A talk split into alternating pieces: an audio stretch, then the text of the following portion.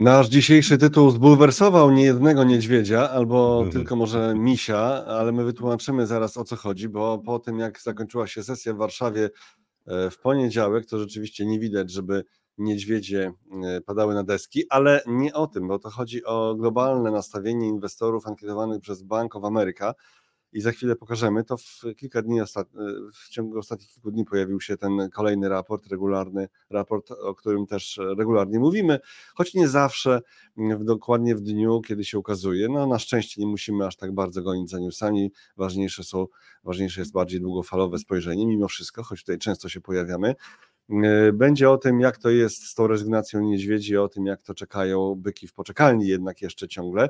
O tym, u nas że nie rezygnują. Po komentarzach widać, niedźwiedzie u nas mają się dobrze. tak, Sądząc tak. po komentarzach naszych widzów. E, tak, już mamy bardzo fajne komentarze, czekamy na kolejne. Piszcie, piszcie, także zostawcie komentarz pod filmem, jeżeli już oglądacie nas w postaci nagrania. Zarządzający funduszami unikają Chin, zastanawiają na Stany Zjednoczone i jeszcze kilka wyjątków z ostatniego badania Bank of America.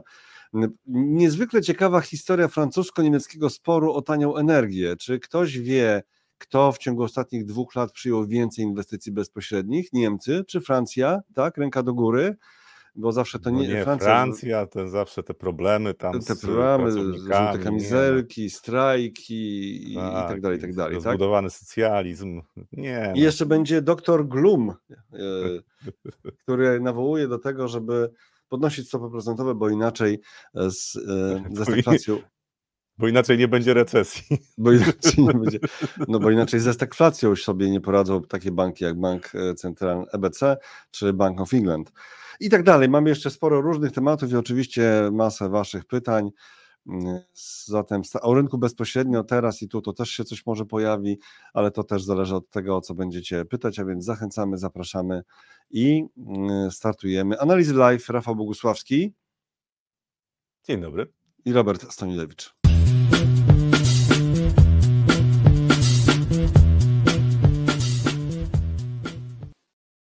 Analizy Live, Rafał Bogusławski, Robert Stanilewicz. Startujemy z naszymi tematami. Tym razem nie będziemy Was trzymać w niepewności przez długie, długie minuty, tylko od razu zajmiemy się e, tym, co kryje się za naszym tytułem, kapitulacja niedźwiedzi. To jest e, szokujący dysonans w stosunku do tego, co pojawiło się na zamknięciu sesji na przykład w Warszawie, ale to nie o tym jest mowa, no bo ta sesja w Warszawie wczoraj była rzeczywiście no, czerwo, czerwoniutka, tak WIG 1,38 na minusie, WIG 20, ponad 1,5% na minusie, inne indeksy również na e, czerwono, ale może do tego wrócimy, może nie. E, za to to, o czym chcemy powiedzieć, to jest e, ten cytat i jeszcze wyjątki w postaci wykresów może jakieś się pojawią z właśnie z Bank of America, to jest komentarz do ich badania. E, e, czyli ten bottom line, czyli to, że inwestorzy zawodowi w tej ankiecie nie są już ekstremalnie niedźwiedzi. Ekstremalnie niedźwiedzi już nie są. Tak, no i to jest, to jest bardzo duża zmiana, e, bo w, na początku roku to raczej te wszystkie odczyty były takie, że zwłaszcza rynek amerykański, no to nie, tam recesja będzie, będą problemy dla gospodarki amerykańskiej. Inwestorzy to jest y, ankieta, którą się przeprowadza wśród zarządzających, tam około biliona dolarów mają pod, pod zarządzaniem ci, którzy, których, którzy są ankietowani w sumie. No i, i, i na podstawie tego określa się, jak w tej chwili wygląda pozycjonowanie. E, I na początku roku były duże oczekiwania wobec Chin i w Chiny rynki wschodzące były przeważone, Stany Zjednoczone niedoważone. W tej chwili nastąpiła zmiana. Stany Zjednoczone są już doważone i są przeważone w stosunku do E, takich benchmarków, tak? czyli tam jest nawet 7 punktów procentowych więcej. Najbardziej popularnym zakładem w tej chwili są high-techy amerykańskie, big techy tak naprawdę. E, natomiast jest e, hmm. wolta w drugą stronę, jeżeli chodzi o rynek chiński. To znaczy wszyscy w tej chwili już widzą, że Chiny mają problemy gospodarcze i w ogóle nie ma nadziei. To znaczy poziom optymizmu E, wynika, znaczy poziom optymizmu, który wynika z alokacji, jeżeli chodzi o rynek chiński, jest taki, jak był w e, szczycie paniki, jeżeli chodzi o lockdowny. To znaczy po prostu tam już nikt nie wierzy w to, że Chiny e, wyjdą obronną ręką z tego, z, tej, z tego wolniejszego tempa wzrostu gospodarczego, bo to nie jest recesja, znaczy nie w takim rozumieniu, jak mamy w Europie. I to jest coś, co no, zmienia trochę perspektywy rynków, bo oczywiście to nie działa z dnia na dzień. To nie jest tak, że e, duże przeważenie rynku amerykańskiego, to za chwilę się kontrariańsko, czyli przeciwko większości idąc, że już trzeba sprzedawać rynek amerykański. Nie, to tak nie działa.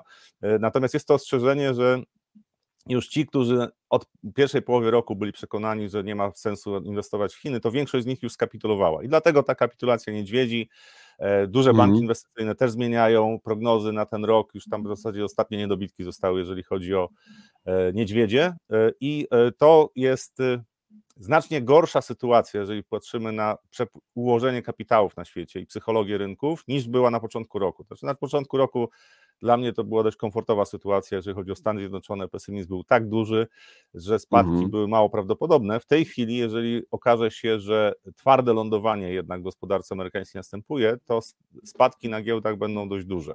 Twarde, twarde lądowanie, na które, na które coraz mniej się stawia, coraz tak, rzadziej. A, I tak? to jest Czy też druga rzecz, że tutaj też z, te, z, tej, z tej z ankiety wynika, że po prostu no, tam wszyscy, 74% wierzy w to, że będzie E, soft landing albo no landing, czyli po prostu, że nawet gospodarka amerykańska e, mhm. nie spowolni. No landing to jest tak, że po prostu będzie się dalej rozwijała i być może mają rację. Natomiast mm. jest to trochę inna sytuacja niż pół roku temu.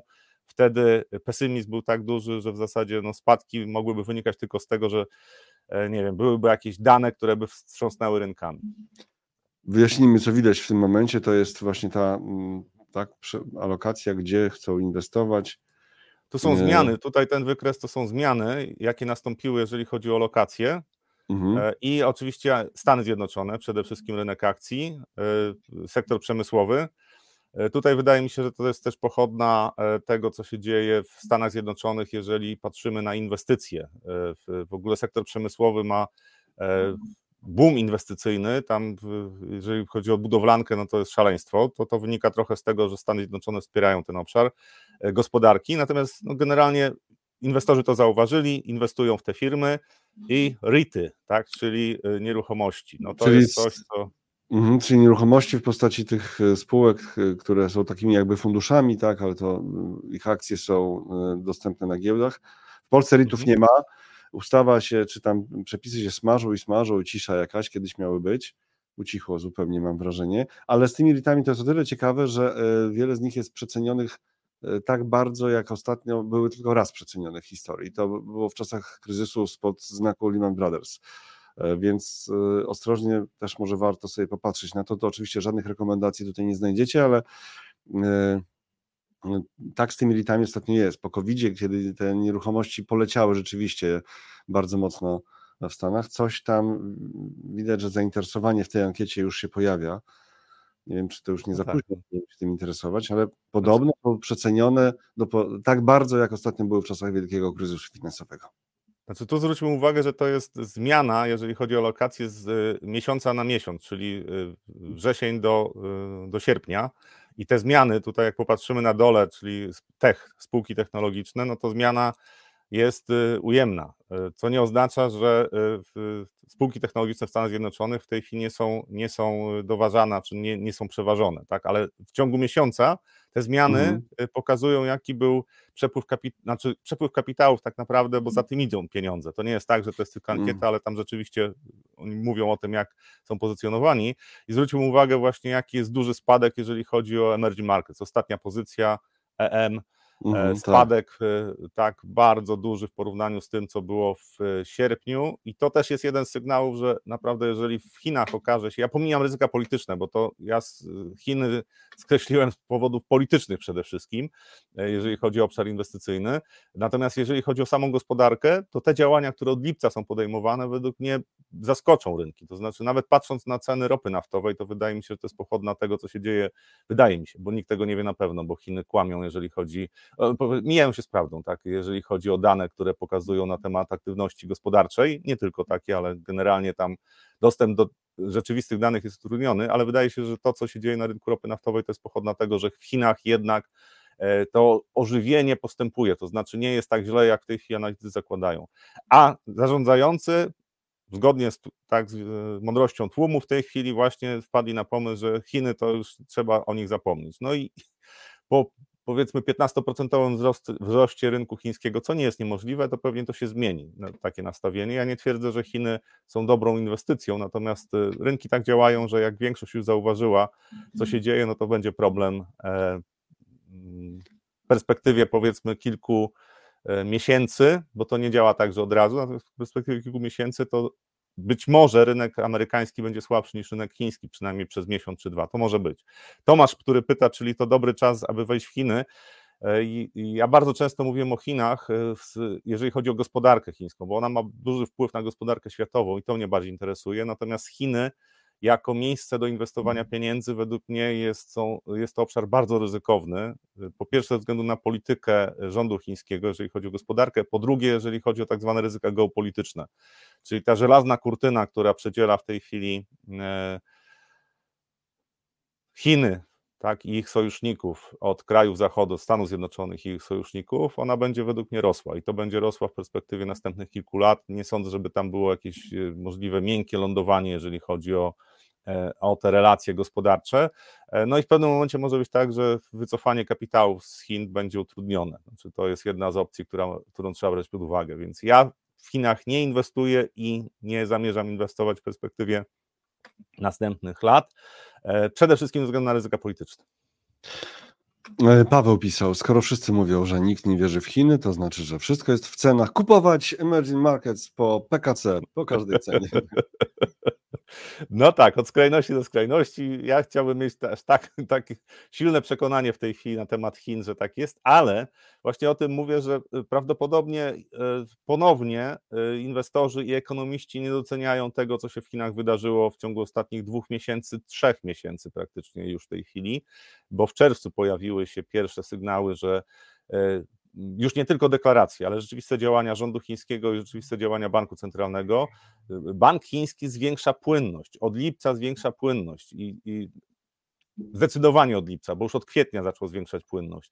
I to jest coś, co historycznie pokazywało, mhm. że dla, i dla rynku chińskiego, jeżeli patrzymy na akcje, i dla w ogóle rynków y, akcji na świecie, to nie jest zły moment. To znaczy, jeżeli Bank Chin e, e, zwiększa płynność, czyli zwiększa sumę bilansową i wpycha pieniądze na rynek, to najczęściej są to okresy dobre, jeżeli chodzi o koniunkturę na rynkach akcji ogólnie, a dla Chin to jest znacznie lepsza sytuacja gospodarcza.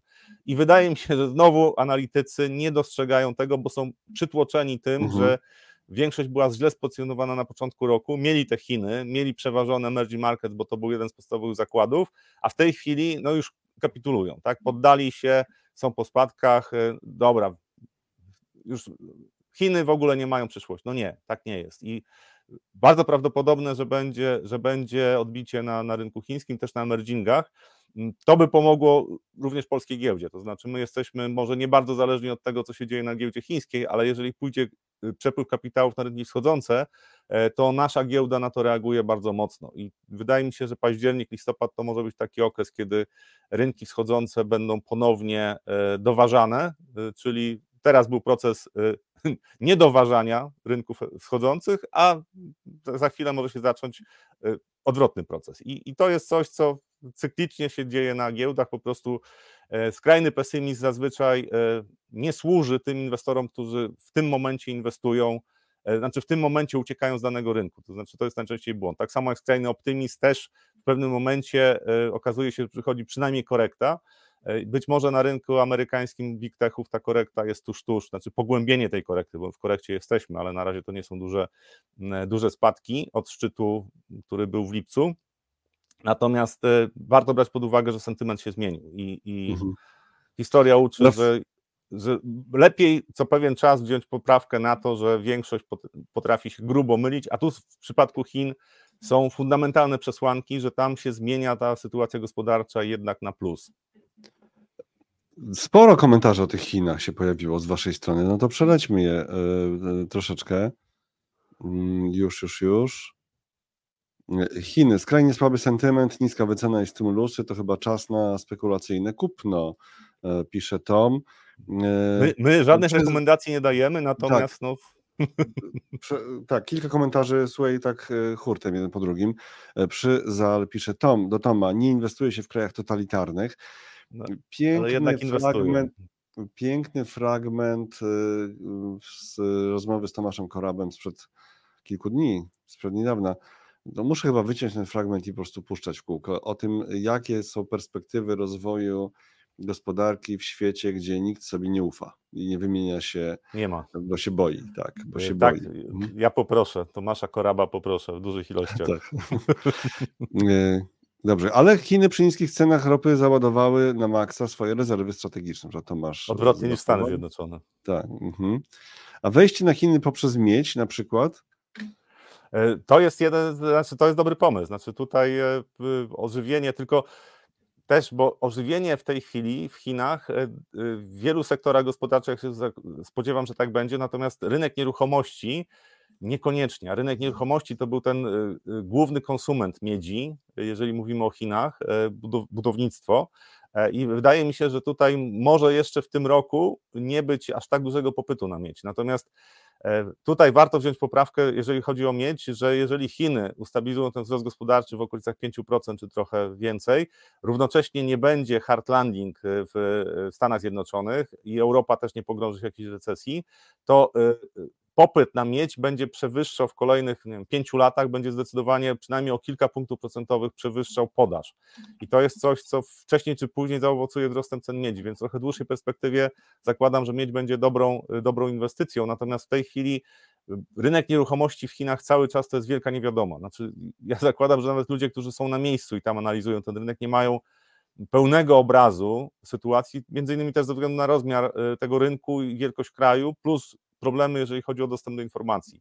Więc e, to, co wiemy, te firmy, które padały, deweloperzy, którzy mieli poważne problemy, niektórzy upadli i kolejne firmy, które stoją w kolejce, bo mają problemy z obsługą zobowiązań, to jest wielka niewiadoma, jeżeli chodzi o cały rynek e, nieruchomości w Chinach, a to ma bardzo duże przełożenie, jeżeli chodzi o popyt na miedź. Natomiast druga część e, popytu to jest w tej chwili samochody elektryczne i w ogóle to, co się dzieje z zieloną rewolucją.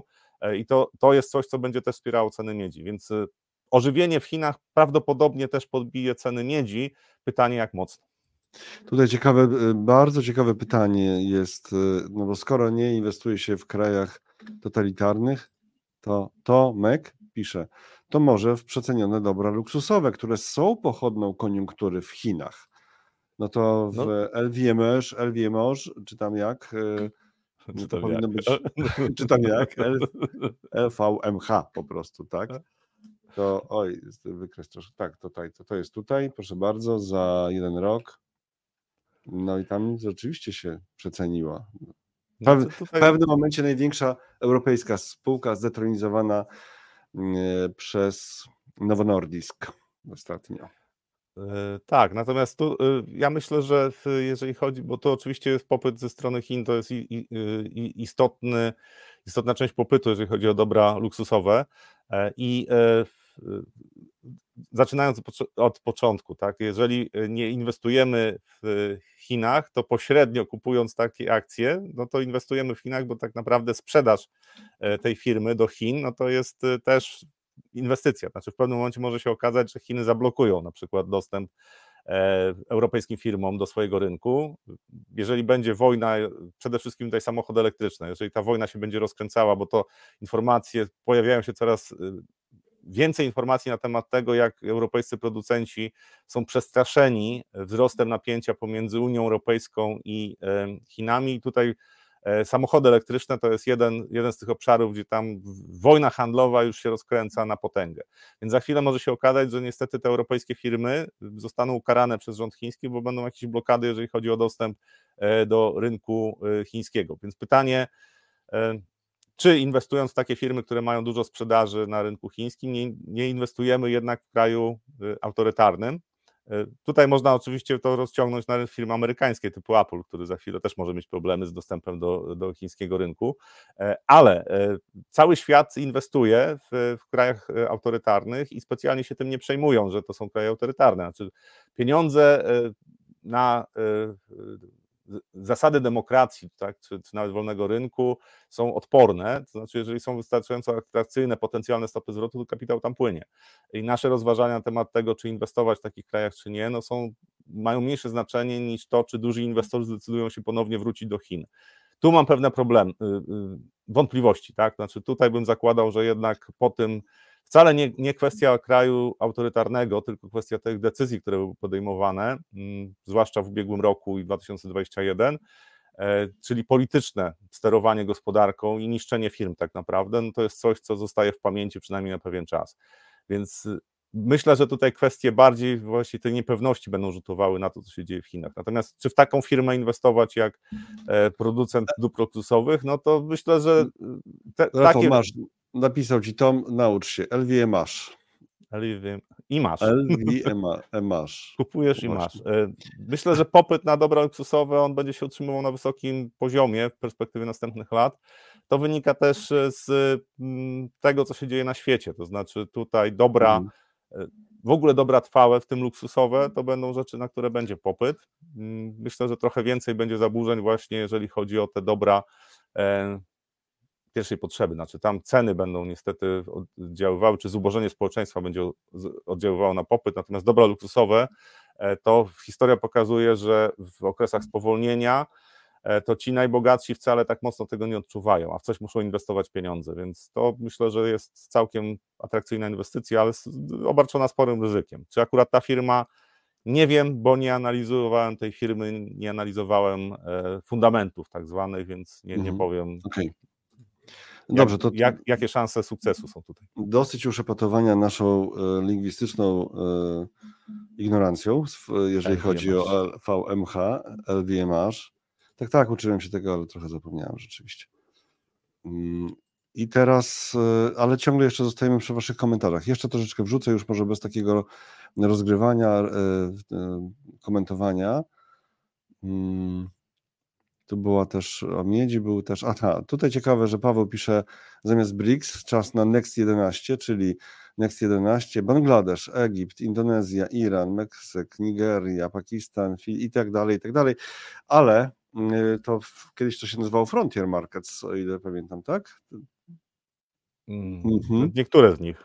Niektóre z nich. Mhm, tak, niektóre z na przykład Wietnam, tak. I tutaj pytanie, słuchaj, do tego, do tego jest pytanie, to znaczy może czas porzucić dyktatorów BRICS na rzecz e, Next 11, czyli dyktatorów Next 11.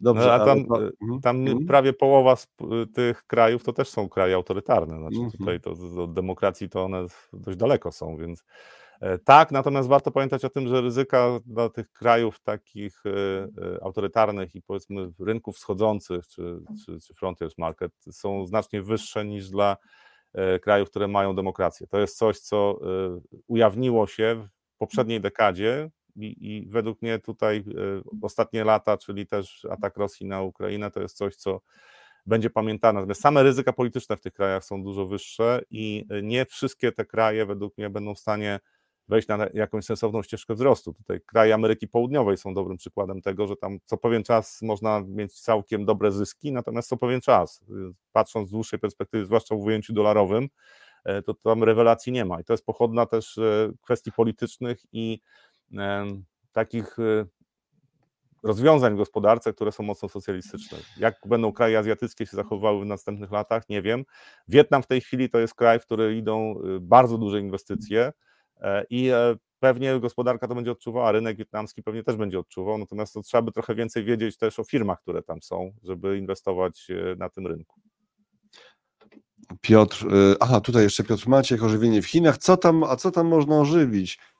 Pisze. Paweł odpowiada, w Chinach można ożywić Mao, a nie, to mało to jest tam żywy, bo właśnie prezydent Xi, e, część, e, czytałem też, że część e, dużych firm międzynarodowych wycofuje się, ponieważ dyrektorzy zarządzający takich firm muszą brać co ty, udział w szkoleniach cotygodniowych na temat mądrości chińskiego systemu politycznego i to zajmuje nawet tam 30 do 40% mhm. czasu. To nie jest tak, że to jest takie krótkie szkolenie. Słuchają mądrości prezydenta Xi i Mao. Piotr pisze, czy można zaprosić kogoś do nieruchomości, na przykład Tomasza Narkuna. Można, Tomek jest bardzo zajętym człowiekiem, więc ale spróbuję. Ale pytanie, jakbyś Piotr, Piotrze mógł doprecyzować, czy chodzi o to, czy mieszka, o mieszkaniówkę w Polsce, tak, w górę, w dół, czy, czy chodzi o nieruchomości globalnie? Bo to, to jakby, właśnie tutaj wspominaliśmy na początku, odwołując się do ankiety Bank of America wśród zarządzających profesjonalnych o REITach, E, to trochę inna historia niż e, nieruchomości w Polsce. Generalnie nieruchomości na świecie tanieją, a w Polsce drożeją. To jest zupełnie, czy tamta fala przyjdzie do Polski, to jest ciekawe. Ale oczywiście drożeją z różnych powodów. Mamy mechanizm taki, no, do, dopalacz się pojawił kilka miesięcy temu, to też wiadomo wpłynęło. No, my mamy, my mamy kilka dopalaczy. Nie, nie, nie. Tutaj żadnych, żadnych dopalaczy. Ja mam tylko kawę już prawie wypitą. Nie, ale w gospodarce. Ja mówię, no. Robercie, ty mnie podejrzewasz takie niecne rzeczy. Ja, ja normalnie cały czas tylko o gospodarce. My mamy w polskiej mhm. gospodarce kilka dopalaczy, które pomaga rynkowi nieruchomości. Jedno to jest oczywiście ten y, kredyt 2%, ale stymulacja fiskalna na poziomie 5% PKB i jeszcze obniżenie stóp procentowych, które y, było dyskontowane, no nie tak gwałtowne, ale było dyskontowane już od pewnego czasu. Natomiast te dwa pierwsze, czyli stymulacja fiskalna plus y, kredyt 2%, no to jest coś, co e, co zmieniło w ogóle optykę na rynek nieruchomości w Polsce i myślę, że w najbliższym czasie no, tutaj się niewiele zmieni. Znaczy, chyba się polityka zmieni, gospodarcza, ale to Mhm. E, tutaj ktoś się dopominał, żeby było coś o polskiej gospodarce, nie tylko tam jakieś inne historie. No ale my tak często się spotykamy z wami, że i o polskiej gospodarce też jest bardzo często, także e, jeżeli ktoś nas Inflacja bazowa była wczoraj. niecodziennie, czy, a no właśnie, ma, będzie o Polsce, będzie o Polsce i teraz, tylko zajmujemy się też sprawami e, globalnymi. E, dobrze, czy ja e, pokazywałem już komentarze o tych niedźwiedziach wcześniej? Niedźwiedzie nigdzie się nie wybierają, ocieplenie klimatu, rajd świętego Mikołaja odwołany, idziemy na WIG-20, e, na WIG-20 pod Grunwald 1410. Mm, no, no Dobrze, może, dzisiaj może. naganiam na spadki, Paweł Kada pisze, dzisiaj naganiam na spadki, wszystkie longi to dziabongi. Pawle, Dobrze, Piotr pisze, że oby nie skapitulowały, tak? Oby nie kapitulowały te niedźwiedzie, zaraz większe zakupy w planach. To jeszcze od Mateusza dzień dobry. Yy... Mhm. Nie wsadzaj longa między drzwi, bo ci niedźwiedź przytrzaśnie. Na przykład jest taki komentarz. Doktor Szum Bonjour, to było chyba przy tym, jak mówiliśmy o tej Francji, że a to temat jeszcze się pojawi. Oj, coś czuję dzisiaj, że dzisiaj będzie, żeby dzisiaj będzie gęsto i długo, tak. Mhm. Dobrze. Czy nieekstremalny niedźwiedź to byk? Co na to SGGW? Szkoła Główna Gospodarstwa Wiejskiego. Czy są tu jacyś e, studenci albo absolwenci? Czy coś można go powiedzieć? Czy nie, czy nie ekstremalny niedźwiedź to już byk? E, nie są niedźwiedzi, są misiowi. No dobrze, to tyle tych dykteryjek.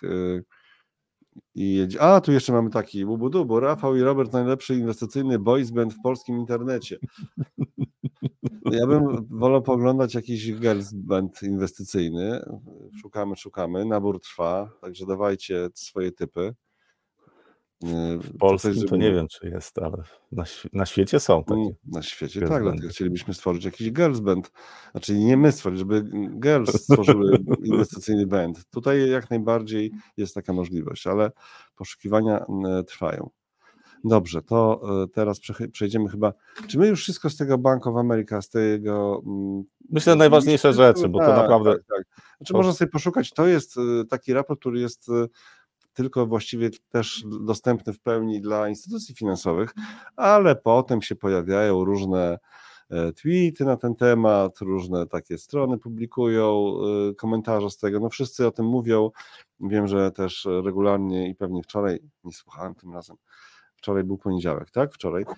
Bartek Pawłowski w swoich widokach z wieży, nasz stały komentator też z MTFI, na pewno o tym mówił e, obficie, bo zawsze o tym mówią. Zresztą oni też e, z, e, parę razy o tym wspominał, uczestniczą w tej ankiecie. Dobra, no to idziemy dalej.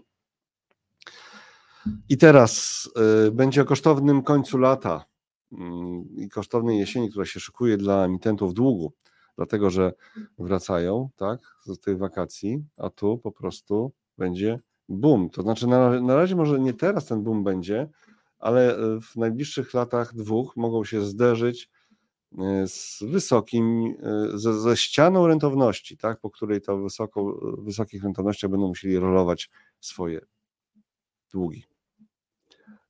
Tak, znaczy to, to ten temat pojawia się już od pewnego czasu i największy, największa wartościowo potrzeba rolowania długów, to będzie przyszły rok i 2025 i w Europie i w Stanach.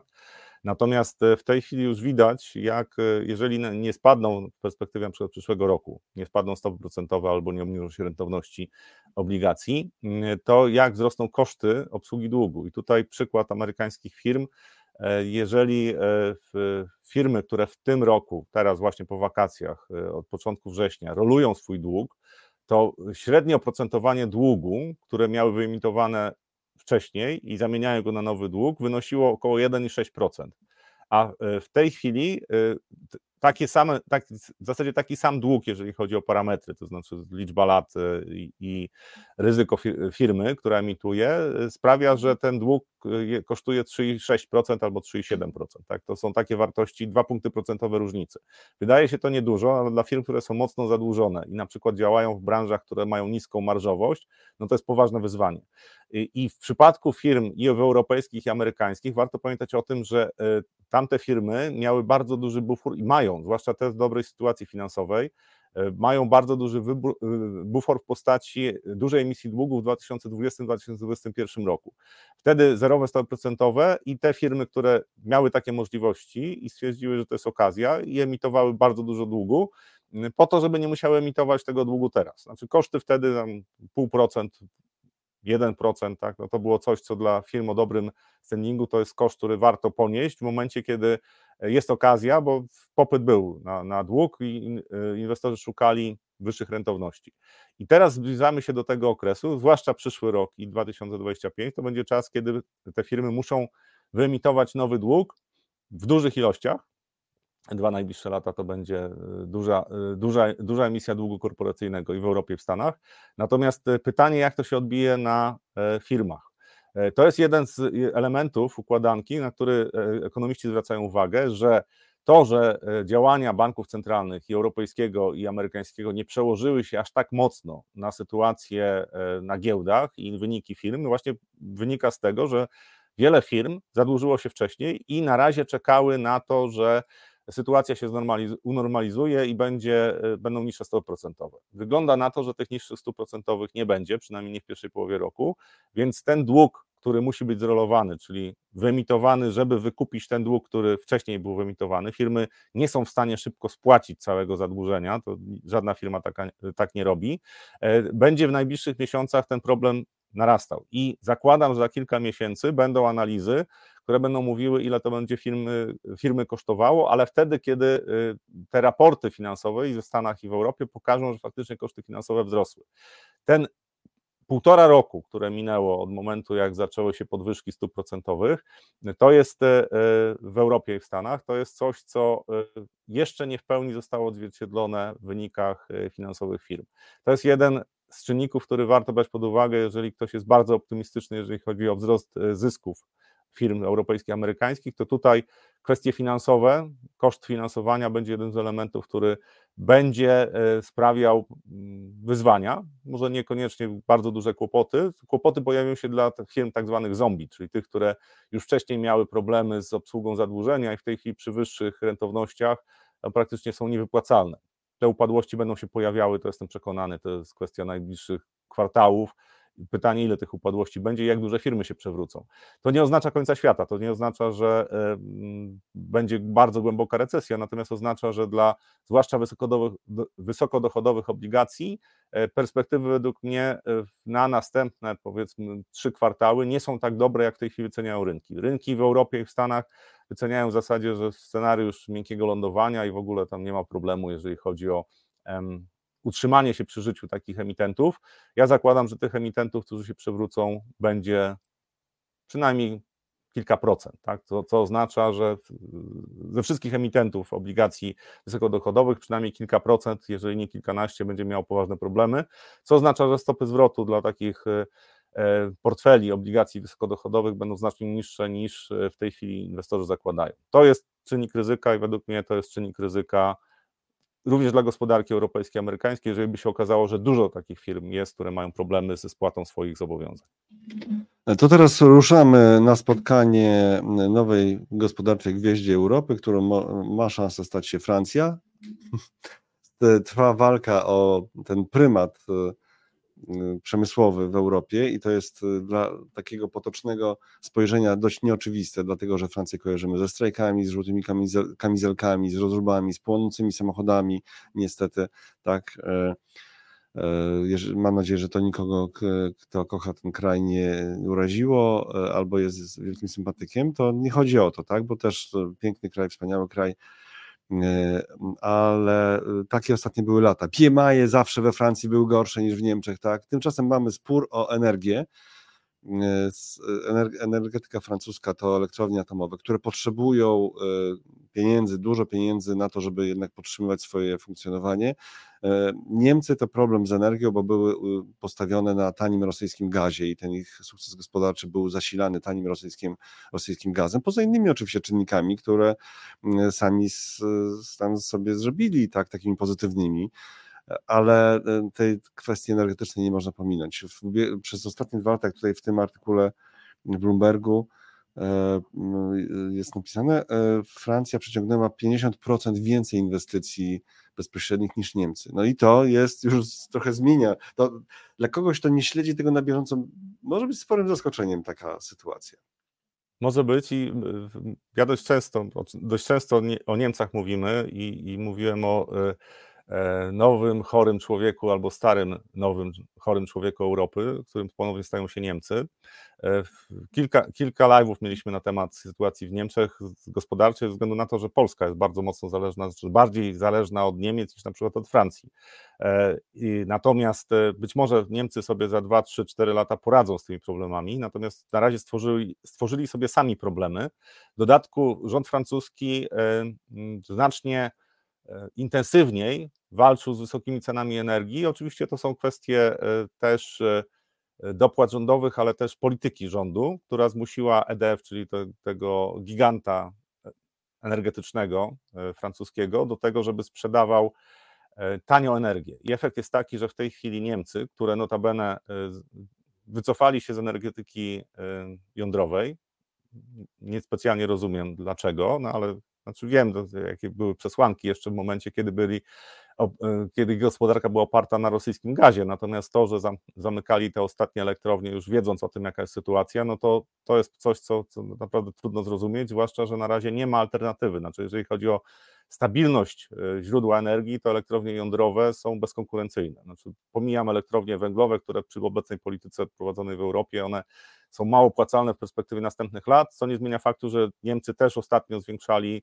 e, możliwość produkcji przez elektrownie węglowe, ale to jest tymczasowe rozwiązanie. Tak, w dłuższej perspektywie na razie elektrownie jądrowe. I sytuacja jest w tej chwili taka, że e, dane pokazują, że w tej chwili dla największych firm energię, koszt energii elektrycznej we Francji jest o połowę niższy niż w Niemczech. To rzutuje oczywiście na mm, potencjalne inwestycje. Te inwestycje we Francji są e, o 50% większe niż w Niemczech. Dodatkowo firmy, które są, pochłaniają dużo energii, e, jak na przykład huty mm. aluminium, no bardzo się cieszą z tego, że na przykład rząd francuski zmusza EDF do tego, żeby podpisywał długoterminowe kontrakty na dostarczenie energii po cenach niższych niż w tej chwili rynkowe, czyli na przykład 10-letni e, kontrakt po cenach niższych. I Niemcy strasznie się burzą, protestując, że e, nie zgadzają się na takie działania rządu francuskiego, bo to są ceny dumpingowe.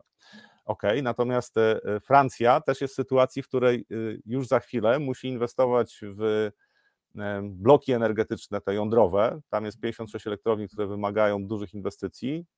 Minister energii francuski, tak, powiedział, że e, te inwestycje wymagane w sektorze produkcji energii jądrowej to jest około 25 miliardów euro rocznie w najbliższych latach. Problem jest taki, że EDF jest mocno zadłużony, więc może mieć problem, żeby to sfinansować. Natomiast tutaj, jak patrzymy, ten wykres, oczywiście koszty energii e, elektrycznej, niebieska, niebieska linia to, jest, e, to są Niemcy, a czerwona mhm. to jest Francja. I różnica jest no, dwa razy wyższy koszt energii w Niemczech. Dlaczego tak jest? Francuzi, rząd francuski zmusił EDF do tego, żeby e, duże, duże ilości energii sprzedawał po niskich cenach i do 2025 roku, ta ustawa została wprowadzona oczywiście wtedy, jak e, narastał kryzys energetyczny w ubiegłym roku, do 2025 roku taka sytuacja będzie utrzymana. Te dwa lata, ponad dwa lata, to wydaje się niezbyt wiele, ale W dwa lata może się dużo wydarzyć, a przez dwa lata konkurencyjność e, oferty niemieckiej, jeżeli chodzi zwłaszcza o, o przemysł ciężki, jest bardzo niska. To wynika również z tego, że rząd niemiecki niechętnie chce dofinansowywać e, mm, energetykę, czyli tak naprawdę pośrednio finansować, subsydiować całą gospodarkę. Rząd francuski to robi. I to, ta wojna handlowa, według mnie, ona się będzie e, rozkręcała. To znaczy, mamy tak, że e, Stany Zjednoczone mają wojnę technologiczną i handlową z Chinami. Unia Europejska weszła na ścieżkę wojenną, jeżeli chodzi o produkcję samochodów elektrycznych z Chinami, to ewidentnie już weszła. Mamy sytuację, w której Unia Europejska protestuje na, na to, co, przeciwko temu, co zrobił rząd y, amerykański, to chodzi o tą ustawę e, antyinflacyjną, która tak naprawdę jest subsydiowaniem e, przemysłu związanego przede wszystkim z zieloną y, transformacją gospodarki na, na, na zieloną e, i to jest tam 700 miliardów dolarów, więc tutaj też jest konflikt i też Unia Europejska zastanawia się, cały czas się zastanawia, jak na to odpowiedzieć i równocześnie mamy konflikt, który będzie w najbliższych miesiącach narastał pomiędzy dwoma największymi krajami strefy euro, czy w ogóle Unii Europejskiej, tak? czyli Francja i Niemcy, e, te, e, ten mm, dyskusja na temat tak, e, subsydiowania gospodarki spór. ceny energii, spór. spór to jest coś, co w najbliższym czasie według mnie będzie e, coraz częściej się pojawiało. Prostego rozwiązania nie ma, natomiast nie sądzę, żeby Francuzi chcieli ustąpić czy odstąpić od tej polityki, którą prowadzą, bo to daje im pewną przewagę. Znaczy Niemcy według mnie mają najbliższe 2-3 lata bardzo duże problemy, jeżeli chodzi o przyciąganie kapitału zagranicznego, chyba że zmienią politykę i pozwolą rządowi na większą stymulację gospodarki, czyli krótko mówiąc na większy deficyt. Natomiast nie sądzę, żeby w Niemczech taki projekt został zrealizowany. Znaczy Niemcy mają obawy cały czas o to, że nadmierne wydatki rządowe to jest y, problem w dłuższej perspektywie, mają rację, natomiast Francuzi na razie korzystają z tego, że no Niemcy wycofali się, stworzyli sobie problem, opierając gospodarkę wcześniej na gazie rosyjskim, a w dodatku jeszcze pozamykali elektrownie jądrowe. Francuzi chcieliby, żeby y, energia jądrowa była traktowana jako y, energia z elektrowni jądrowych traktowana jako zielona energia, tak, i miała takie preferencje jak na przykład ta energia z paneli słonecznych i e, wiatraków. Natomiast pytanie, jak odpowiedzą Niemcy, no zakładam, że nie będą chcieli się zgodzić na to. Więc tutaj kolejny obszar, w którym Unia Europejska będzie miała poważny problem. Znaczy tutaj będzie bardzo dużo, bardzo dużo informacji na temat tego, że oba kraje są E, może nie na ścieżce wojennej, ale zdecydowanie nie w tym samym kierunku będą zmierzały, jeżeli chodzi o politykę energetyczną. Ciekawa historia, którą wam, o której Wam opowiedzieliśmy i bardzo e, też e, zawahałem się, by powiedzieć, też ciekawa rada dla banków w Europie generalnie, bo to dla Europejskiego Banku Centralnego i dla Banku Anglii ma dr Glum, jak sobie powiedzieliśmy, chociaż tam inaczej go nazywano, ale... E, Doom. Doom, Doom albo Doom, Doom and Gloom. Czyli Brock. E, najsłynniejszy ekonomiczny pesymista, e, czyli Nuriel Rubini. Mówi bankom centralnym w Europie, EBC i Bank of England, podnoście stopy, bo inaczej nie poradzicie sobie ze stagflacją. No i co? No i, i, trochę ma racji, to znaczy on tam jako argument przedstawia to, że y, ostatnio ceny ropy naftowej wzrosły i zmienił się struktura gospodarki, to znaczy to on wskazuje na to, y, o tym ja też dość często mówię, że tutaj chociażby zielona rewolucja, czy, czy zmiany, które są wymuszane w Europie na, na firmach, plus jeszcze to, że następuje zmiana łańcucha dostaw, to znaczy już nie będzie takiej globalizacji, jaka była wcześniej, która w poprzedniej dekadzie bardzo mocno wpływała na obniżenie cen w gospodarce światowej, y, w tej chwili to przestanie działać. Znaczy, zakładam, że tak dobrze nie będzie. Przez pewien czas, przynajmniej przez pewien czas, będzie y, odchodzenie od globalizacji, co jest raczej inflacjogenne. To nie oznacza, że inflacja w, w krajach europejskich będzie dwucyfrowa, natomiast oznacza, że będzie bardzo trudno zbić tą inflację do poziomu na przykład 2%. Zresztą w tym artykule, tak z wypowiedzi y, doktora Duma wynika, że on spodziewa się, że banki centralne będą podnosiły cele inflacyjne, na przykład do 3 czy 4%. E, być może RPP jest prekursorem, tak, i zacznie jako pierwsza podnosić cel inflacyjny, ale to. Czy mówisz o tym, jak często padała, padała e, cyfra 5 w wypowiedzi tak, prezesa tak, Glapińskiego ostatnio, że tam jak piątka, chociaż to było, nie wiem, rewolucyjne, no, z dwóch i pół na pięć. No. E, natomiast wracając do, do tej wypowiedzi, no to tutaj oczywiście ryzyko jest takie, że jeżeli teraz rosną ceny e, energii, przede wszystkim ropa naftowa, tak, ceny paliw, to ponowne podbicie inflacji, które nastąpi, znaczy jeżeli ceny ropy nie spadną w perspektywie następnych dwóch, trzech miesięcy, to podbicie cen energii paliw spowoduje, że oczekiwania inflacyjne się podniosą. I to jest bardzo trudny scenariusz z punktu widzenia banków centralnych, bo im dłużej e, trwa e, utrwalanie się wysokich oczekiwań inflacyjnych, to znaczy im częściej będziemy w sytuacji, że te oczekiwania inflacyjne będą powyżej celu inflacyjnego, tym trudniej potem jest tą inflację zdusić. Dlaczego? Bo e, ludzie dostosowują swoje zachowania do tego, czego się spodziewają. Tutaj indeksacja wynagrodzeń, tak, czyli podwyżki wynagrodzeń, ale też przygotowania do tego, że ok, wzrosną mi koszty, to ja w, następnym, e, w następnych miesiącach muszę podnieść ceny. Przygotowuję się do tego, podnoszę ceny, to powoduje, że znowu pracownicy mówią, no dobrze, to ja będę chciał więcej zarabiać, a czynniki zewnętrzne, na przykład ceny paliw, mogą spowodować, że to się ustabilizuje, te oczekiwania na przykład na poziomie 5%. I jak one się ustabilizują na poziomie 5%, e, to bardzo trudno jest e, bez recesji zdusić inflację do 2%.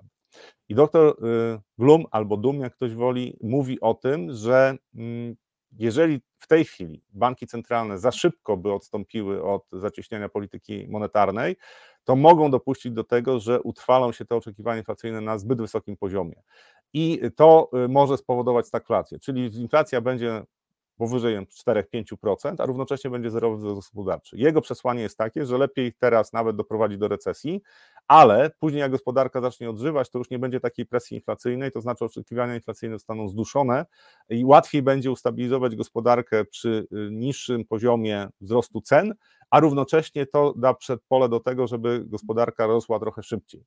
Y, czy to zadziała? Nie wiem. No, to jest ekonomista, który ma pojęcie o tym, co się dzieje w gospodarce, natomiast jeżeli chodzi o pewne rozwiązania, czy też jego renomę jako człowieka, który jest w stanie przewidzieć pewne rzeczy, no to to jest zdecydowanie na wyrost. Raz e, trafił tylko z o trzy lata za wcześnie powiedział o recesji w Stanach Zjednoczonych, o rynku nieruchomości, ale przez trzy lata konsekwentnie o tym mówił, więc w końcu doczekał tego, co się wydarzyło w 2008 roku. Mhm. W tej chwili e, mówi o tym, jakie są zagrożenia, i tutaj nie tylko on. Jest wielu ekonomistów, którzy wskazują na to, że właśnie utrwalenie się inflacji na wyższych poziomach jest bardzo niebezpieczne z punktu widzenia banków centralnych. To znaczy, im dłużej inflacja trwa na takich poziomach, E, powyżej na przykład 5%, e, tak jak chociażby w Wielkiej Brytanii, tym trudniej później bankowi centralnemu jest e, zdusić tą inflację, znaczy sprowadzić ją na przykład poniżej 2%.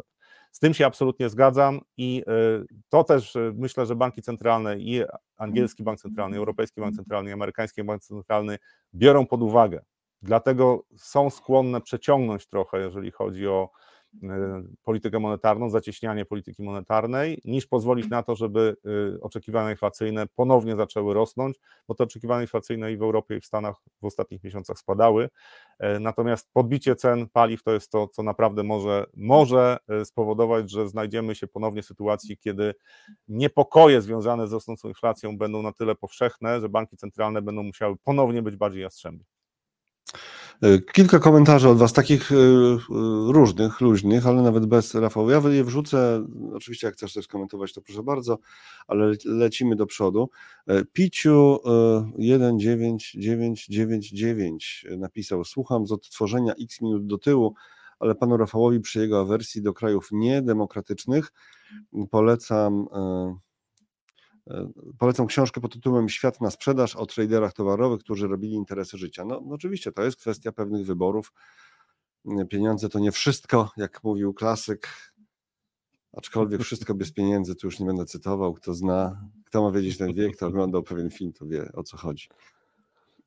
Moim zdaniem 5% jest pewne, bo wolą inflację od recesji. Pytanie, czy 5% jest osiągalne? Paweł Kato, No tak, jeżeli mówimy o Polsce, to, tak.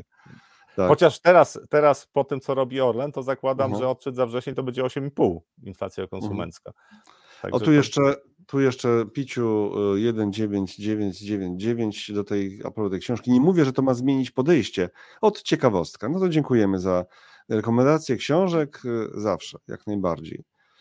Mm. Okej. Okay. Były też, były też tutaj, ktoś pisał o obniżce prądu. Oczywiście tak, to jest coś takiego. 100, nawet 120 zł obniżki takiej za prąd. Proszę bardzo, na rachunkach za prąd, bo to już właśnie weszło. Wystarczy spełnić tylko jeden z warunków, by można było uzyskać ponad 120 zł obniżki na rachunku za energię elektryczną. Rząd zobowiązał wszystkich sprzedawców energii do udzielenia jednorazowego upustu Polakom. Cytuję za dziennikiem Fakt. Proszę bardzo, po raz pierwszy za dziennikiem Fakt cytuję. Ja coraz, e, coraz bardziej czuję się jako nastolatek w PRL-u. E, bez polityki, Rafał. Nie, nie, oczywiście są pewne komentarze jak najbardziej są dopuszczalne, no bo to pewne ruchy są takie, gdzie już trudno tego nie komentować w jakiś sposób, więc E, to nie jest tak, że zupełnie sobie, sobie też nie, nie pozwala, pozwalamy, żeby jakoś się odezwać w tym kierunku, ale, e, ale to, nam, e, to nas prowadzi do naszych krajowych tematów i do inflacji, ale tej bez prądu. Inflacja bez prądu, ale też bez cen żywności, czyli inflacja bazowa, która pokazała się nam wczoraj, tak? I 10%. 10%. I o tym teraz przez chwilę będzie, bo ona rzeczywiście tanieje. Tanieje, bo ona spada. Ona spada. Tak, inflacja nie tanieje. Inflacja tanieje. To... Nie, nie, przepraszam. No, inflacja rzeczywiście spada, ta bazowa też spada, ale bardzo powoli spada, bardzo powoli. To są rzeczywiście no, Z 10,6 bazowa do 10%. Tu warto pamiętać o tym, ale że. Przy... Y, mhm. No tak, bo 12 patrzymy, było tam parę miesięcy temu. Patrzymy na inflację bazową, to ona też w pewnym stopniu zależy od tego, co się dzieje z cenami paliw, chociaż tam nie ma cen paliw E, i nie ma cen żywności. Znaczy mówimy o tej, bo to cztery inflacje bazowe podaje NBEP, natomiast e, o tej, o której wszyscy mówią, to jest ta bez cen paliw i cen żywności. To ceny paliw jak spadają, e, i to też ma przełożenie na, mm, na cenę, na inflację bazową, na cenę inflacji bazowej, na inflację bazową. Natomiast to jest, to jest taka grafika, którą Czekaj, czekaj, dygresja, dygresja, bo tu Paweł się czepia, że inflacja spada, a spada dynamika wzrostu.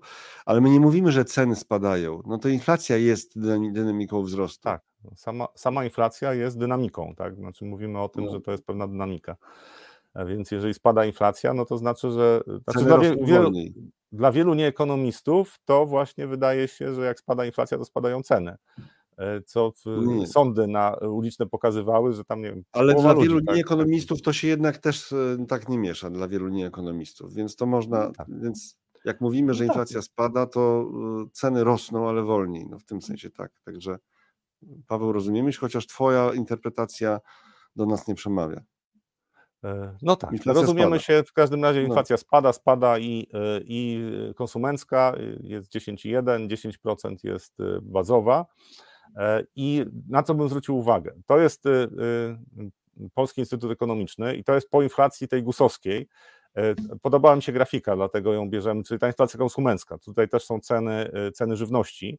Natomiast na co bym zwrócił uwagę? Jeżeli popatrzymy na te, na te składowe, to są koszyki inflacyjne, czyli tak obszary w których y, sprawdzana jest poziom inflacji, na przykład edukacja, na przykład właśnie żywność. Ogółem jest 10,1, to jest ta inflacja mm, konsumencka. Natomiast na co bym zwrócił uwagę, że jak popatrzymy na te składowe, czyli poszczególne koszyki, tak, znaczy te obszary, które, które są brane pod uwagę w gospodarce, to praktycznie y, większość rośnie dwucyfrowo. Czyli dla większości grup produktowych, które bierzemy, czy, czy usług, które, które bierzemy, analizujemy, to ta inflacja jest w okolicach 10%. Co to oznacza? To oznacza, że e, w przypadku inflacji w Polsce to nie jest e, czynnik taki związany z tym, że na przykład usługi albo że e, właśnie ceny paliw podniosły ogólnie inflację. Problem jest taki, że ta inflacja jest bardzo szeroka, to znaczy ona dotyczy praktycznie większości obszarów w gospodarce. No tutaj odzież i obuwie rośnie, ceny rosną o 6,7%, tylko ja historycznie pamiętam, że zawsze e, e, ceny, jeżeli chodzi o odzież i obuwie, to było coś, co spadało. Zawsze, było przez 4... lata, długie, długie lata, lata, tak. Tak, to zawsze było na minusie. I te, jak to już rośnie, no to jest po prostu katastrofa. Edukacja, tak, alkohol i używki 11, edukacja 13%. Na co nie spojrzymy, to praktycznie są dwucyfrowe no, zdrowie, tak, czyli to tak, 9,7%, ale też blisko 10%. I gdzie tkwi problem? Właśnie w tym, że dotyczy to wszystkich obszarów gospodarczych. Ta bardzo wysoka inflacja dotyczy wszystkich obszarów gospodarczych. Takiej inflacji nie da się szybko zdusić, chyba że wprowadzimy kraj w recesję. Natomiast ja zakładam, że w najbliższych miesiącach na przykład dane za wrzesień oczywiście pokażą dzięki Orlenowi, że inflacja nie spadnie do 9%, tak jak w tej chwili ekonomiści szacują, tylko prawdopodobnie do 8,5%, a być może nawet mniej będzie. Dlaczego? Bo ceny paliw zakładam, że we wrześniu będą średnio niższe na stacjach benzynowych o 10% niż były e, w, e, w sierpniu. Transport plus ceny paliw to jest około 10% koszyka inflacyjnego e, GUS-u. To można, jest jeden punkt procentowy jest y, spadku inflacji. E, ponieważ na razie jeszcze jak patrzę na ceny żywności, to tam nie ma jakiegoś odbicia potężnego, to prawdopodobnie będzie 8,5. Tylko jak Orlen zacznie podnosić ceny e, po wyborach, no to oczywiście inflacja wtedy bardzo szybko zacznie się podnosić i wrócimy pewnie powyżej 10%. Dlaczego? Bo patrząc na to, mhm. co się dzieje z cenami w gospodarce, oczywiście te ceny w większości patrząc miesiąc do miesiąca, od kilku miesięcy e, nie rosną, natomiast w dużym stopniu to są efekty bazy i sezonowe.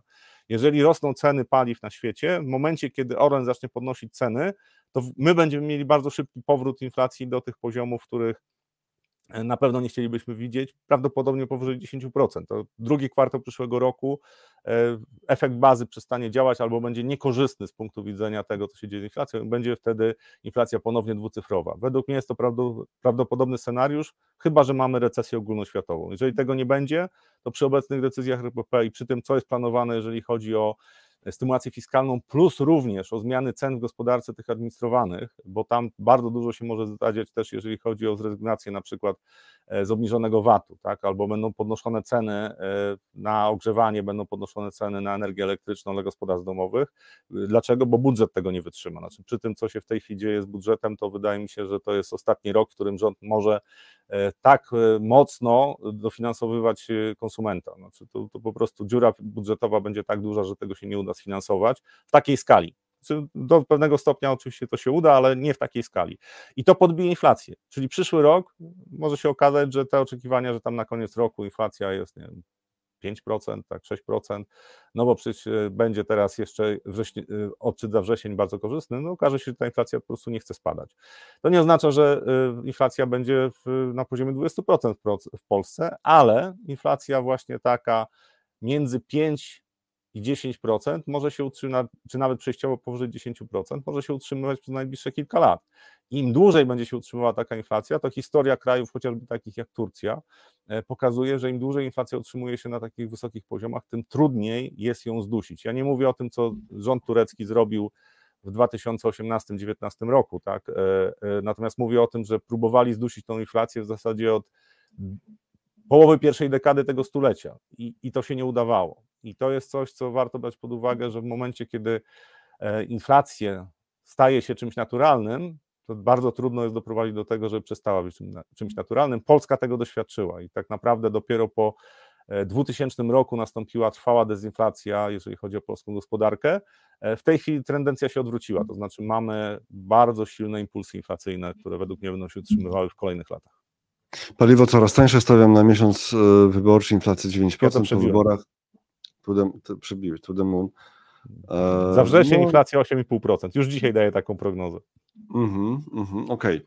Okay. E, tyle o inflacji. Jeszcze po drodze, e, po drodze pytania niezwiązane z naszymi tematami na bieżąco, ale na przykład tutaj Paweł B. pyta, co powiecie na ETF, na Bitcoina? Znaczy ja powiem tyle, że na majowej konferencji Stowarzyszenia Inwestorów Indywidualnych w Karpaczu na Wall Street byłem na wykładzie Mateusza Samołka, Inwesto Mateu, myślę, że wielu z Was zna, i on tam miał wykład o ETF-ach generalnie, różnych, tak, i tam przeglądał różne ETF-y i też pokazywał takie, z których można powiedzieć, y, można się tylko śmiać, tak, y, chociaż nie śmiał się na poważnie, to pokazywał, ale też komentował, który już tak parafrazując i skracając. Ja się śmiałem. Niektóre z nich są bez sensu po prostu te ETF-y i. Tak właśnie mówił, parafrazuję, może nie, nie, dokładnie powiem, ale mówił o ETF-ie na Bitcoin, jak już y, chcecie kupić Bitcoina, sobie kupcie Bitcoina, no bo ten ETF to wam tam za jakieś jednak koszty mimo wszystko zabiera, no to są niewielkie koszty, ale jednak zabiera. Oczywiście pewnie jest łatwiej, jak się ma już rachunek w domu maklerskim, kupić sobie ETF-a na Bitcoin, jeżeli jest i na tym pewnie ludzie od marketingu w tych instytucjach, które tworzą ETF-y pewnie bazują, tam czy od sprzedaży. Ale tak, ale jeden z y, y, takich najaktywniejszych w Polsce propagatorów inwestowania pasywnego inwestowania w ETF-y, bo to można też, niektórzy mówią, że są pasywni, a inwestują w ETF-y aktywnie, co też niekoniecznie może być dobrym interesem, tak, przez, z racji prowizji maklerskich, no ale generalnie jeden z najbardziej aktywnych promotorów inwestowania pasywnego i inwestowania w ETF-y, y, jeżeli chodzi o ETF-a na Bitcoina, to miał takie zdanie raczej, raczej nie wiem, chyba odebrałem to że wręcz ironiczne, tak, to tyle na no, ten temat. To ja, ja, ja, się też pochwalę, że tam byłem, też słuchałem, bardzo mi się podobało, on tam jako przykład dał ETF-a e, na spółki biotechnologiczne w Stanach, i pokazywał, mhm. Y, jeżeli dobrze pamiętam, ale tak, y, i pokazywał, że jak zajrzeć do środka tego ETF-a, to absolutnie to nie jest ekspozycja na spółki biotechnologiczne, że lepiej już by było sobie wybrać samemu te spółki i kupić takie spółki. I, mhm. i to jest też y, dla zwłaszcza takich mm, profilowanych ETF-ów, czyli jakiś segment rynku wybierają, warto spojrzeć, w co tak naprawdę ten, ten ETF inwestuje, bo można być mocno zdziwionym, to chociażby tutaj ETF jeżeli chodzi o uran, tak? Ludzie, którzy kupują iShares, to jest chyba URA, to jest ETF, który teoretycznie powinien inwestować w spółki, które wydobywają uran i powinny korzystać na wzroście cen uranu, a tak naprawdę to jest taki miks y, spółek, że tam trudno stwierdzić, czy y, ten ETF zależy naprawdę od cen uranu. E, to, są, to jest oczywiście kwestia e, właśnie instrumentów, które są budowane na podstawie czegoś i tutaj ten ETF na bitcoina, ja się zgadzam, no lepiej sobie kupić bitcoina albo kontrakt terminowy, bo tam już przynajmniej wiem, jakie są koszty tak, y, związane z tym, co, co kupuję, no bo kontrakt też pewne opłaty ponosi, znaczy inaczej, cena kontraktu y, uwzględnia też y, koszt pieniądza w czasie chociażby. Słuchaj, to a propos tego, co mówiłeś o uranie, to ja przypomnę, że mamy taką rozmowę z Radosławem Pelą. Radosław Pela, kiedyś PKO BP TFI, PKO TFI 3-literowe, teraz PK Green Commodities Fees, no oczywiście fundusz inwestycji zamknięty, to nie jest takie proste, żeby tam wejść, ale jest taka rozmowa, wrzucam link, gdzie e, akurat o uranie też jest bardzo ciekawie. Tam jest wyjaśnione, jak działa ten rynek. To jest rynek bardzo specyficzny, bardzo, bardzo specyficzny i te to raczej są mrzonki, że można sobie zainwestować w uran skutecznie, chyba że ktoś rzeczywiście zna jakiś rewelacyjny mm, sposób, no to oczywiście nie odmówimy, tak? Ale proszę, tu wrzucam do linka do tej rozmowy z Radosławem Pelą.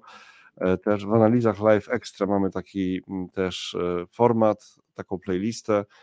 Teraz już do Was ten link idzie. Tam nawet też można sobie poczytać trochę o tym. I o uranie też jest. Dość popularny film, e, bardzo dużo, bardzo długi, ponad dwie godziny, ale rzeczywiście surowce mocno przerobione na różne sposoby. Mm, jeszcze pokażę okładkę tego sprzed już paru miesięcy właściwie rozmowa tak to wyglądało. Złota ropa, złoto, ropa, miedź, ale też o uranie e, w tym materiale e, rozmawialiśmy. Bardzo ciekawie przedstawione, jak ten rynek funkcjonuje i jak ten rynek jest rynkiem e, dziwnym poprzez to, kto produkuje ten uran właśnie. No dobra, to teraz wolne wnioski na razie odkładamy i jedziemy dalej z naszymi tem tematami. E, ostatnim tematem była inflacja bazowa w Polsce, a teraz już przechodzimy do takich tematów funduszowych, bo analizy live to kawałek analizy online, e, czyli portal analizy.pl. Zajmujemy się funduszami inwestycyjnymi w Polsce. E, analizy online zajmują się funduszami inwestycyjnymi w Polsce, zbierają dane, gromadzą dane, agregują dane, produkują materiały, dokumenty, statystyki i tak. To jest taki core business. E, a teraz i, piszą też e, analizy.pl o funduszach inwestycyjnych, między innymi o gospodarce też, a tu jest właśnie e, tekst Jagody Fryc o tym, jak, jak inwestują krajowe fundusze akcji amerykańskich. I, I, uwaga, tytuł. Krajowe fundusze akcji amerykańskich nie kupują na Wall Street. W większości, no. chociaż są wyjątki. Jeżeli ktoś chce dowiedzieć się więcej, to zapraszamy do tego tekstu. E, Rafale, to, to, czy to jest tak, jak, jakbyśmy chcieli, żeby było, żeby to, że tak znaczy, po prostu tylko przez ETF-y w większości? Przez, przez ETF-y, tak, i albo przez instrumenty, które są notowane na e, europejskich giełdach. E, natomiast to nie wszystkie fundusze. Ja patrzyłem na strategie inwestycyjne funduszy, między innymi Generali Akcji Megatrendy. To jest fundusz, który inwestuje bezpośrednio w spółki, przede wszystkim amerykańskie. Znaczy tam są i europejskie spółki, ale generalnie to są amerykańskie przede wszystkim spółki. E, I argument, który przedstawiają zarządzający w Polsce, że no pokonanie rynku, jeżeli się nie jest w Stanach Zjednoczonych, nie ma się zespołu analitycznego do analizowania wielu spółek z rynku amerykańskiego, no można to obronić, ale można też powiedzieć, no okej, okay, to jest trochę inaczej niż było w latach 90., jak ja zaczynałem swoją przygodę z inwestowaniem, gdzie faktycznie dostęp do informacji dotyczących spółek amerykańskich dla inwestora z Polski był mocno ograniczony. Znaczy, ja nawet pracując w międzynarodowej instytucji e, finansowej, e, miałem ograniczony dostęp, znaczy ograniczone możliwości, żeby zebrać wystarczająco dużo informacji. Faktem jest, że wtedy inwestowaliśmy przede wszystkim na rynku polskim, znaczy inwestycje zagraniczne, mówimy o rynkach akcji, stanowiły tam ułamek y, całej inwestycji. Natomiast w tej chwili, jeżeli popatrzymy na dostęp do informacji, to naprawdę nie trzeba mieć 30 analityków, tylko po prostu mieć wiem, dwóch, trzech ludzi, dwóch zarządzających, powiedzmy, wiem, dwóch analityków, którzy są w stanie brać udział chociażby w konferencjach online organizowanych przez spółki. Tych konferencji jest tak dużo, że jakbym chciał wziąć we wszystkich udział, których można mieć dostęp nie jako inwestor instytucjonalny, ale jako człowiek z ulicy niemalże, tak, czyli nie, nie jako instytucja, e, to zabrakło mi doby. Znaczy tych, dostęp do informacji jest bardzo duży. I analizy, które są dostępne, zwłaszcza jeżeli chodzi o rynek amerykański, według mnie są na, tak rozbudowane, że to jest tylko kwestia wnioskowania, to nie jest kwestia braku wiedzy. E, I można się dowiedzieć, co się dzieje w tych spółkach, nie jeżdżąc, nie latając do Stanów Zjednoczonych. Więc ja, ja jestem zwolennikiem jednak tych e, firm, które tworzą fundusze i faktycznie wybierają może nie całość portfela, bo część portfela zainwestowana w kontrakty terminowe na Nasdaq czy, czy SP500, część w ETF-y, jak najbardziej ma to sens. Natomiast jeżeli cały portfel jest zainwestowany w e, fundusze, czyli to jest fundusz funduszy, to moje pytanie jest takie, dobrze, ale jakie są koszty? I tutaj e, też warto przeczytać ten artykuł, bo Jagoda Fritz pokazała, że często te koszty nie są najniższe. I to jest coś, e, co dla mnie jest no, takim minusem, jeżeli mówimy o właśnie o tych strategiach, które są realizowane przez polskie e, towarzystwa mhm. funduszy inwestycyjnych dotyczące rynku amerykańskiego akcyjnego. To jeszcze jeden super ciekawy materiał z analizy.pl, www.analizy.pl. Bardzo proszę, też link w komentarzach będzie. E, już za chwilę tam link kosztuje, e, ląduje. Po prostu struktura oszczędności gospodarstw domowych czerwiec 2023. W drugim kwartale bieżącego roku oszczędności polskich gospodarstw domowych wzrosły o około 75 miliardów złotych do prawie 2,1 e, biliona złotych. Najmocniej wzrosły środki na, na depozytach, na depozytach i, proszę Państwa, i w OFE. I w OFE, ale numer, co? Oszczędności no, ale to wzrosły dzięki OFE. Tak, ale tutaj, tutaj e, warto zwrócić uwagę, że OFE po wszystkich tych tam przekształceniach polityk inwestycyjnych to są tak naprawdę wehikuły tak E, inwestujące w akcje. E, agresywne fundusze dobry... emerytalne, najbardziej tak. agresywne fundusze emerytalne na świecie, tak. No, przynajmniej mamy coś naj. Ale e, e, no jakie i... są wnioski z tego? Znaczy, ja zapraszam do artykułu i zapraszam też do zapoznania się z tymi danymi, natomiast ten wzrost właśnie depozytów, e, to też pokazuje, że jednak pieniądze płyną na depozyty, a to, co się dzieje, jeżeli chodzi o rynek akcji, to to, że wzrosły wartościowo te inwestycje w akcjach, to to właśnie jest OFE, gdzie tam przeciętny uczestnik funduszu inwestycyjnego, znaczy każdy uczestnik nie ma wpływu na to, jak, jak ten portfel się zachowuje, e, a te akcje, które mieli w portfelach poza OFE i PPK, uczestnicy na przykład towarzystw funduszy inwestycyjnych, no to y, wartość tego wzrosła. Dlaczego? Dlatego, że to był dobry okres na rynkach akcji. Natomiast nie ma napływu pieniędzy do funduszy akcyjnych w Polsce. E, to jest coś, co po naprawdę dobrym roku, no to jest jedna z rzeczy, która mocno szokuje. Natomiast wnioski mhm. są takie, że jednak Polacy się bogacą, przynajmniej nominalnie. Tak? No bo tutaj, jeżeli chodzi o po uwzględnieniu inflacji, to już to nie wygląda aż tak optymistycznie, jak y, mogłoby wyglądać, gdyby ta inflacja była faktycznie niższa i faktycznie ten wzrost y, wartościowy był na poziomie 75 miliardów. Depozyty to na niebiesko, depozyty złotowe i walutowe, no i jest tego rzeczywiście cały czas i rośnie, tak? Jest, ale po raz pierwszy gdzieś tu się, a nie, po, zielone PPK, no nie, jest, no gdzieś tam jest. Tam, Tutaj jest tam pod, pod to tym różowym jest taki taki tam A, o to, tu, o, to, tu, tu, tu, A, tu, o tutaj tu, tak. tak, tak, tak. No ale rośnie, już, ale rośnie. Już zaczyna rosnąć, już puszcza korzonki, listki. Dlatego Właśnie, na zielono tak. jest. I niektóre osoby, które nie, jeszcze nie zajrzały na swoje konto PPK, to się zdziwią, że tam jednak przyrosło tych pieniędzy. Dali, dali. Dali, no, dali. A tutaj słuchaj, tak mówisz o tym, że rzeczywiście no, to jest czynnik inflacyjny też bardzo ważny, no ale też jednak ważne jest to, że w pierwszym kwartale 2023 był spadek tych oszczędności, a w drugim kwartale jednak to poszło do, już do góry. Tak? To, to nie? No to tak. Znaczy, kwartalnych zmian oszczędności. Pierwszy kwartał nie był, nie był aż tak dobry na rynku akcji mhm. E, i e, znaczy myślę też, to jest też powrót pieniędzy jednak na depozyty, tak, ze względu na to, że, e, że mamy, znaczy to się działo już tak naprawdę, znaczy, aha, bo ty mówisz o pierwszym kwartale, że tam był spadek. To przede tak. wszystkim według mnie to jest po prostu to, mhm. że, że na rynkach akcyjnych ten pierwszy kwartał w Polsce to nie był dobry, dobry czas i też E, według mnie to się przełożyło i, i jeżeli chodzi o, o, wartość e, funduszy w OFE, tak, ale też e, mhm.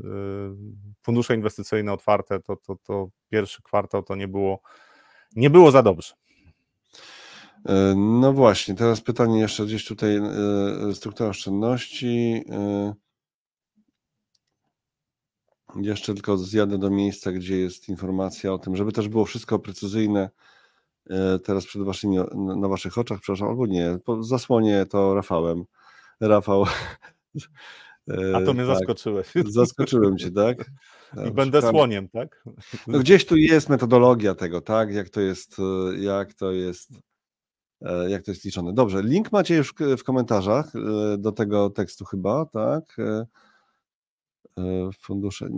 Tak, jest już link w komentarzach oszczędności gospodarstw domowych. Kto chciałby tam pownikać, poprzeglądać, to jak najbardziej zapraszamy. E, na apel o to, żeby na, jeśli chodzi o uran, pokazać coś, to Zachary pisze mm, o ETF-ie na uran. Proszę bardzo, Global X Uranium ETF Nature, Natural Resources. Polecam bez noty prawnej. E, nie ma żadnych reglamentacji, tylko to jest wskazanie tego instrumentu, który na uran jest, ale ja polecam też rozmowę z Radosławem Pelą, o której mówiłem wcześniej. E, tu jeszcze trochę komentarzy do tych funduszy, które inwestują e, jednak pośrednio, głównie na rynkach amerykańskich. Mm, o właśnie, Arek. Nadal OFE chyba gorszy niż ZUS, jeśli chodzi o wyniki. Proszę Państwa, nie można porównywać jabłek z gruszkami. Jednak waloryzacja ZUS-u e, łączy się, kieruje się zupełnie innymi prawami. To, że politycy E, chcą dorzucić tam na przykład, jeszcze doliczmy potem działania typu 13, e, 14, może kiedyś 15 emerytura, to jest zupełnie no, wbrew konstruowanemu kiedyś systemowi emerytalnemu, temu nowemu, właściwie już nie wiem jaki mamy system emerytalny, to rzeczywiście, no to jak tak policzymy, to e, w tym momencie też zostanę pewnie posądzony za jakiś skrajny symetryzm, ale pamiętam jak dziś, jak wtedy wicepremier Kosiniak-Kamysz porównywał na konferencjach, pokazując jakie te OFE są złe i pokazywał waloryzację ZUS-u do stopy zwrotu e, z inwestycji w OFE. No kurde, ja mm, mm, trzy kropki, tak? Po prostu ręce, ręce opadały, ręce opadały, panowie, no i panie, przepraszam, ale mówię tutaj do no, byłego wicepremiera, tak? Jak można było tak robić? Trzeba było załatwić ten temat szybko, krótko i nie pluć na rynek kapitałowy po prostu i tyle. Dobra, ale to już ulało mi się troszeczkę. E, I będziemy kończyć chyba, tak? No tak. Hmm, PPK mi rośnie, bo mi z pensji zdejmują. No tak, zdejmują ci e, i inwestujesz i ci dodają też do tej pensji. E, więc spójrz na to, co tam się nazbierało. Znaczy tam jest jeszcze wpłata e, powitalna, dopłata roczna, mm -hmm. tak, i to są rzeczy, które zwiększają stopy zwrotu, ale też ten e, system inwestycyjny, który tam, mówię o, o samych inwestowaniu pieniędzy, on naprawdę są całkiem dobrze pomyślane. No, może ten WIG20 tam ma za duży udział, tak co najmniej 40% spółek z WIG-20 i to jest jakiś słaby punkt programu, ale generalnie e, to jest dobrze pomyślane i to naprawdę to nie jest kwestia tego, że tam mi zbiera, zabierają z pensji, dlatego ja mam tam więcej zyski z całego programu są naprawdę warte uwagi. To jest jeden, jeden ze sposobów oszczędzania w dłuższej perspektywie, który, który według mnie ma sens, nawet większy niż to, co proponowało OFE. A to, co tam ZUS sobie księguje i w tabelce przelicza, ile tam wskaźnik wzrósł, no to jest zupełnie inna historia, tego się nie da porównać. To jako no dodatkowe, dodatkowe oszczędności według mnie to się będzie broniło i, i według mnie to będzie udział w tym programie będzie stopniowo wzrastał, tak jak to się działo w innych krajach. Znaczy ludzie będą widzieli, że to ci, którzy weszli do tego programu, zarabiają. No i wybuchła dyskusja o OFE i OFE kontra ZUS. Nie, nie, nie. Nie idziemy w tę stronę, zamykamy ten temat, bo. Idziemy na fanforum. Społecznych podziałów, tak. Ukradli, ukradli. Jakie ukradli? Przecież to tylko zamiana obligacji, które są zobowiązaniem państwa na inne zobowiązanie państwa.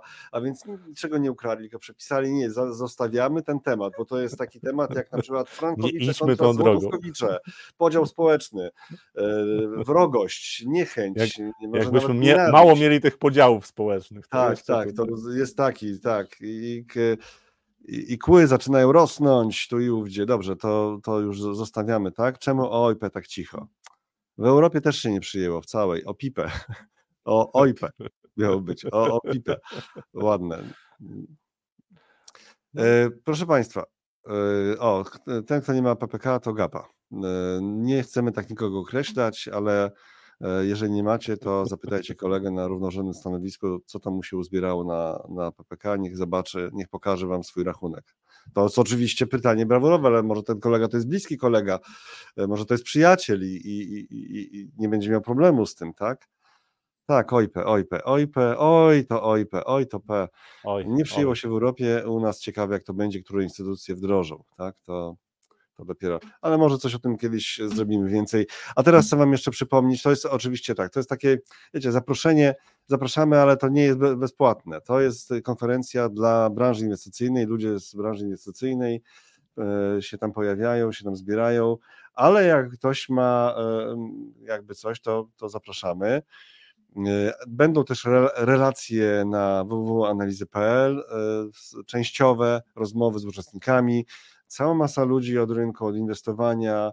E, tutaj pierwszy wykład to e, James Ashley, Goldman Sachs, Asset Management. Widok z płaskowyżu, co nas czeka na rynkach w 2024 roku. No jak nie przyłożyć ucha do takiego tematu, prawda? Fund Forum 3 października e, w hotelu Crown Plaza, tak, hotel Crown Plaza przy tym dużym rondzie, czy te duże y, wieżowce takie powstawały, rondo Daszyńskiego i relacje, częściowe relacje, rozmowy z uczestnikami będą, ale nie będzie 100% y, gdzieś do, w internecie do oglądania. No tego się raczej nie da zrobić. I zapraszamy na, proszę Państwa, właśnie, to jest ważna informacja, zapraszamy na czwartek, w czwartek będzie Mariusz Agodziński, teraz już z Mariusz Agodziński, czyli Mount Tefi, Mount Tefi, E, obecnie. A nasz, naj, czyli to będzie najbliższy live w czwartek. Tutaj akurat skład będzie troszeczkę inny, ale w czwartek. A ten live, live z Rafałem e, w piątek najbliższy. I to wszystko już na dzisiaj. Dziękujemy pięknie. E, prosimy o łapki w górę, prosimy o subskrypcję i włączenie sobie powiadomień. Dziękujemy bardzo. Rafał, powiesz Do coś? Do zobaczenia. Do zobaczenia. Do piątku. Do piątku.